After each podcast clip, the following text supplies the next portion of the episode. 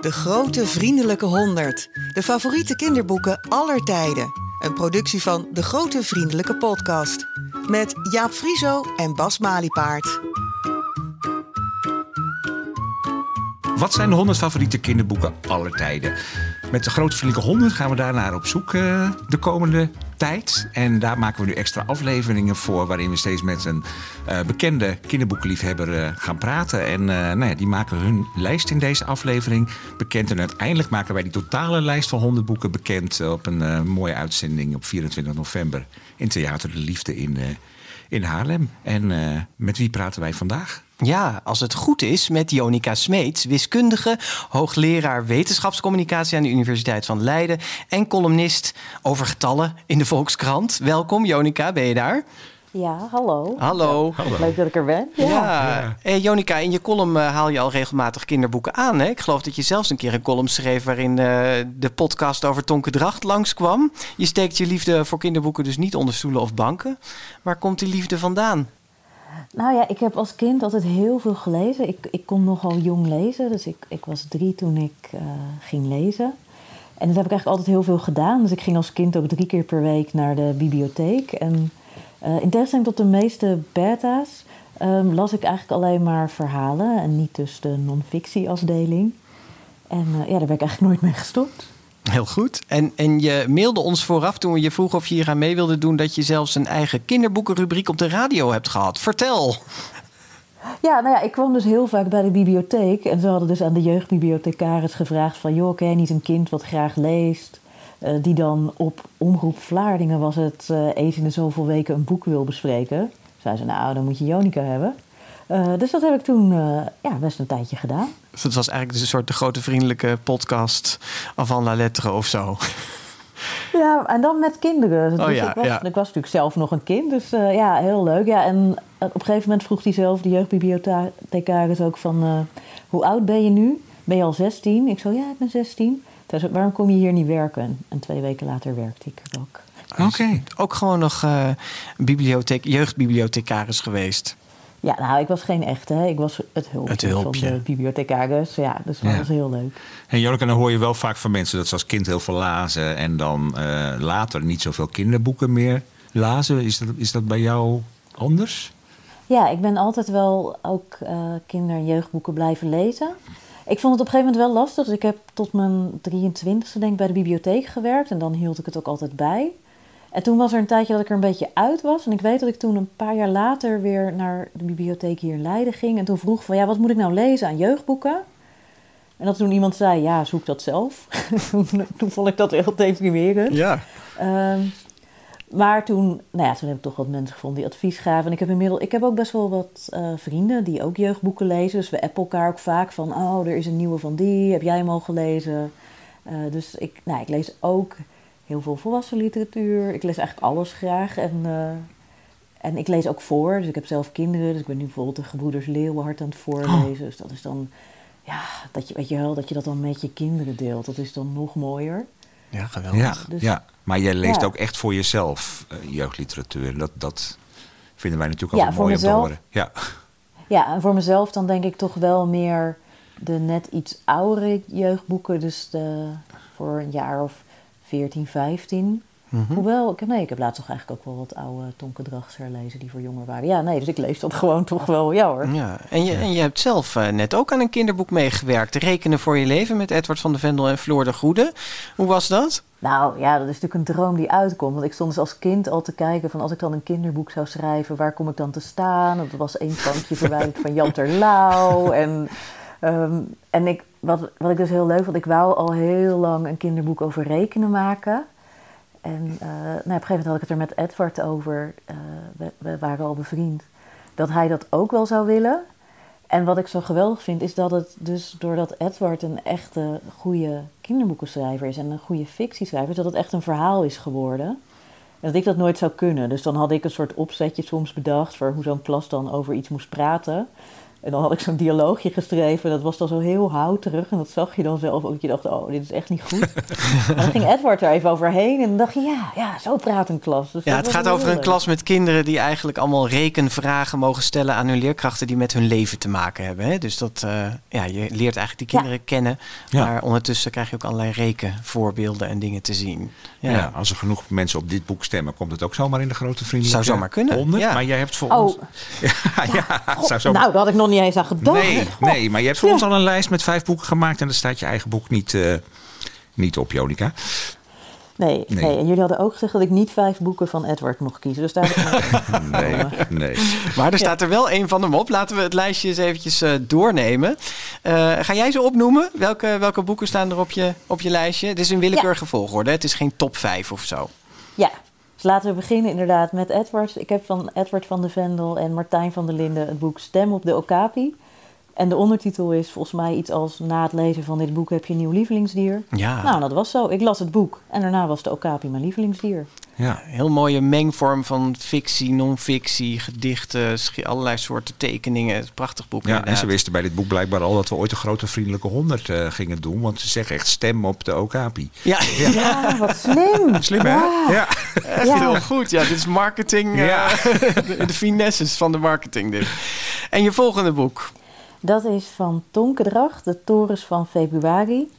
Ja, ik denk eigenlijk dat haar hele oeuvre op de lijst zou moeten. Maar dit was als kind mijn absolute lievelingsboek. Eh, en ik, ja, het gaat over hoe je met een codewoord naar een andere wereld kan komen. En ik heb als kind weken geprobeerd dat codewoord te vinden. Ja, geweldig. Ja, ik, ik denk eerlijk gezegd dat de brief voor de koning natuurlijk heel hoog gaat eindigen. Ja. Maar het zou best mooi zijn als dit natuurlijk eh, in de top 10 komt of zo. Ja, zit hier nog iets van dat wiskundige ook in, wat je dan aanspreekt?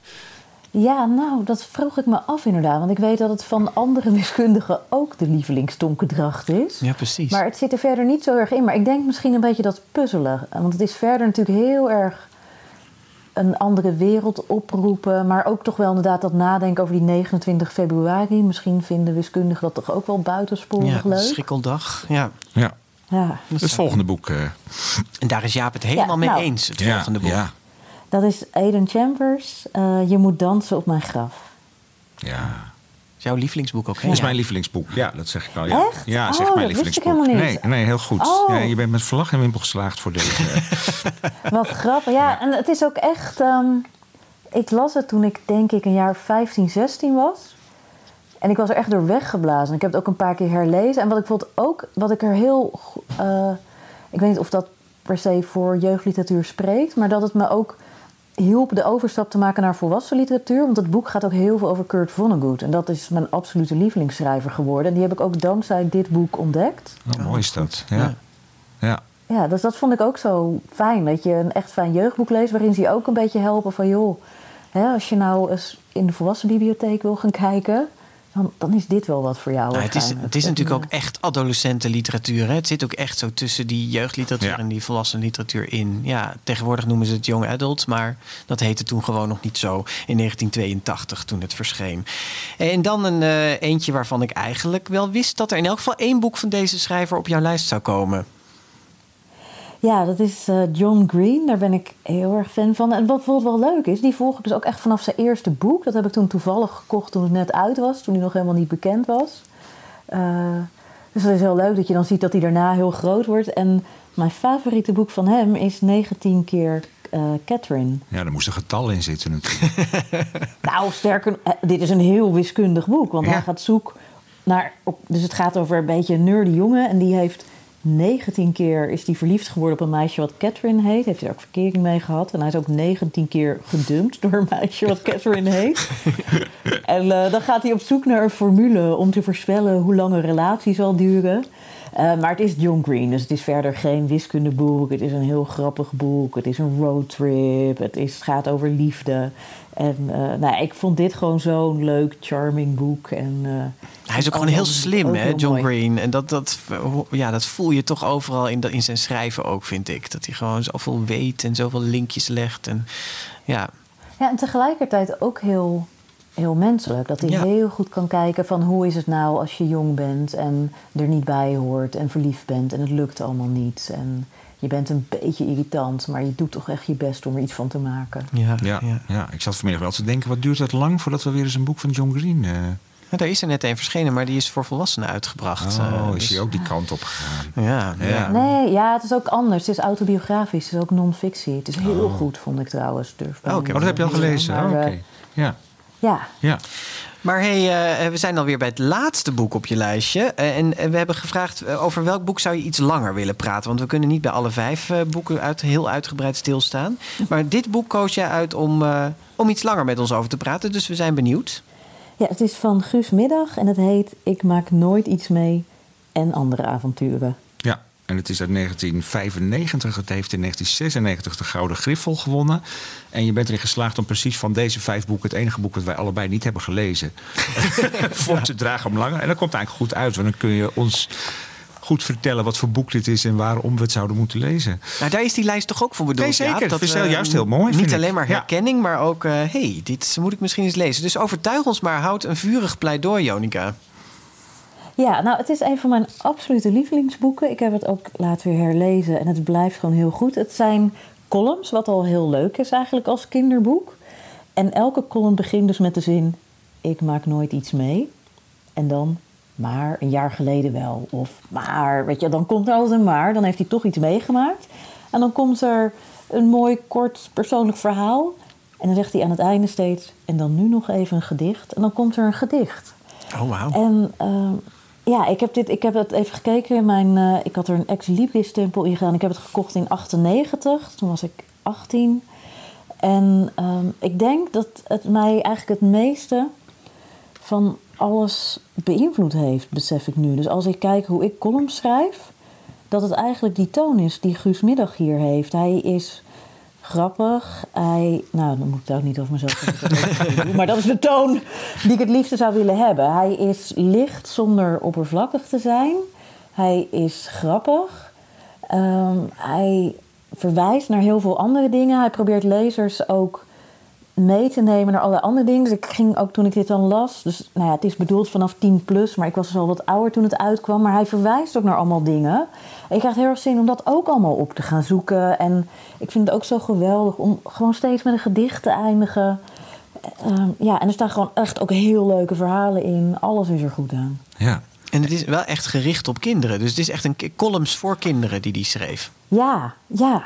En wat, en wat maakt het dan eh, dat het voor kinderen is? Zijn de avonturen die hij beschrijft of de dingen die hij beschrijft, eh, gaan die over kinderen? Of ik heb, ik heb er nog niet een heel goed beeld bij. Nee, niet per se eigenlijk. Maar dus ja, bijvoorbeeld een van de leukste verhalen vond ik, eh, die heette 1-0 voor Malta. En dat begint dus met ik maak nooit iets mee, maar in 1983 wel. En toen was er dus een voetbalwedstrijd waar Nederland moest winnen met, wat was het, Ehm 10 doelpunten. Oh nee, Malta moest met 10 doelpunten verschil winnen om door te gaan eh, op het EK. Zoiets was het. En hij beschrijft dan dat er een live show was van Freek de Jonge. Ehm, en dat je dan dus of Freek de Jong keek of voetbal. En dat Freek de Jong toen in die show vertelde dat het langzaam 10-1 voor Malta werd. En dat iedereen dacht dat het een grap was, maar dat dat dus echt gebeurde. Ja, volgens mij zat het net iets anders. eh, Moest, moest Spanje moest met 13-0 van Malta winnen. En dan zou Nederland niet naar het Oh EK ja, gaan. sorry, Dat ik probeer het. Ja, dit is de voetbal. ja precies. En toen en niemand zou Je hebt helemaal gelijk. Ja, ik niemand dacht van, Ja, eh, dus het niemand wacht, wacht, wacht van het gaat 13-0. Ja, ik heb deze getallen beter in mijn hoofd dan jij. Jonica. Ja, nee, je hebt helemaal gelijk. Het staat inderdaad wel goed in het boek van Guus. Hij zei inderdaad, het was, er staat inderdaad dat Freek de Jong inderdaad de wedstrijd Spanje tegen Malta wil zien. Dat dat een heel vreemde Ja, wedstrijd was. Want die ja. zaten heel... Ja. Ja. Nou ja, en hij beschrijft dan dat hele verhaal en hoe mensen dan lachen. En dan eh, eindigt hij met een gedicht van... eh, eh, ik god, weet niet eens hoe het uitspreekt. Van dichter Creye van Geel. Hoe spreek ik dat eigenlijk uit, die geur aan het begin? Ja, zal ik het gedicht dan nog doen? Ja, doe maar, doe Ja. maar, het gedicht. Een door een bruiloft afgeleide hengelaar legt op een autoweg s'nachts in. Een automobilist vangt hem in zijn licht en denkt: een sloot, slaat af en ligt erin. En dan zegt hij: net als bij die jongen weet je niet goed waarom je nu precies moet lachen. Spanje, Malta, 12-1, zoiets verzin je ook niet. Ja, het is, het is heel. Ja ik, ik, ja, ik denk dus dat ik dit ook geweldig had gevonden toen ik tien was. Het zijn inderdaad niet per se verhalen voor kinderen of over kinderen, maar dat hoeft volgens mij ook niet. Nee.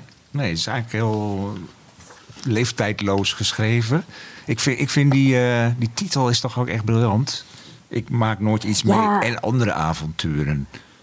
Hè? Dat is toch... Ja, en toch ook gewoon om allemaal hoofdstukken waar gewoon elk hoofdstuk begint met ik maak nooit iets Ja, mee. Dat ja. vind ik ook echt zo fantastisch. Ja. Leuk, ja. Is het geïllustreerd ook nog of eh, is het gewoon alleen tekst, het boek? Nou, er staat ergens één tekening in van een kind van zes. En dan heeft hij ook het, gezicht van een, het gedicht van een kind van zes. Dus dan heeft hij wel echt iets over kinderen. En voor de rest is het gewoon alleen, eh, alleen tekst. En heel korte hoofdstukjes. ja. Nou, het intrigeert me wel wat Ja. je allemaal vertelt. Dus ik ga dit boek eens even opzoeken. Volgens mij is het ook eh, het enige kinderboek wat hij heeft geschreven, Guus Middag. Ja, er zijn volgens mij ook columns in NRC Ja, dat zijn- die ja, die gebundeld zijn- zijn. ja, dus het is ook heel gek. Ja. Ja, dat is wel bijzonder dat het dan ook de Gouden Griffel heeft gewonnen en zo. Ik, ik, ik heb dus wel zin om dit meer te gaan uitzoeken, wat, eh, wat voor boek dit Ja. precies is. Jij hebt je pleidooi gehouden, Jonica. En eh, nou, we gaan er voor, du- voor jou duimen dat het op de Grote Vriendelijke 100 eh, lijst komt. Ja. Maar ik ga natuurlijk zelf heel hard stemmen. Bedankt voor je mooie lijst, Jonica. Dankjewel. En luisteraar, we zijn natuurlijk benieuwd naar jouw lijstje. Van 17 oktober tot 7 november kun je dat insturen via hebban.nl slash stem. En eh, nou ja, we vinden het ook leuk als je dat lijstje dan helemaal eh, gaat delen op social media. En eh, gebruik daarvoor de hashtag DeGV100 en dan de 100 in cijfers. Dan kan iedereen het als lijstje gaan vinden. Ja, dat zou hartstikke leuk zijn. Ja. Als alle lijstjes zijn verzameld en er is berekend wie er op 100 staat en wie er op 1 staat. Ja, en alle mensen ertussenin, alle boeken ertussenin. Dan maken we de balans op. En dat doen we dus op 24 november in een feestelijke live aflevering in Haarlem in Theater de Liefde. En die avond die hebben wij omgedoopt tot de Grote Vriendelijke Pakjesavond. Je Ja. kunt daarbij zijn. Kaartjes zijn te koop via onze website, degrotevriendelijkepodcast.nl. En heel binnenkort in je podcast-app de volgende aflevering van deze speciale Grote Vriendelijke 100 afleveringetjes, GVP'tjes. Tot de volgende keer. Dag.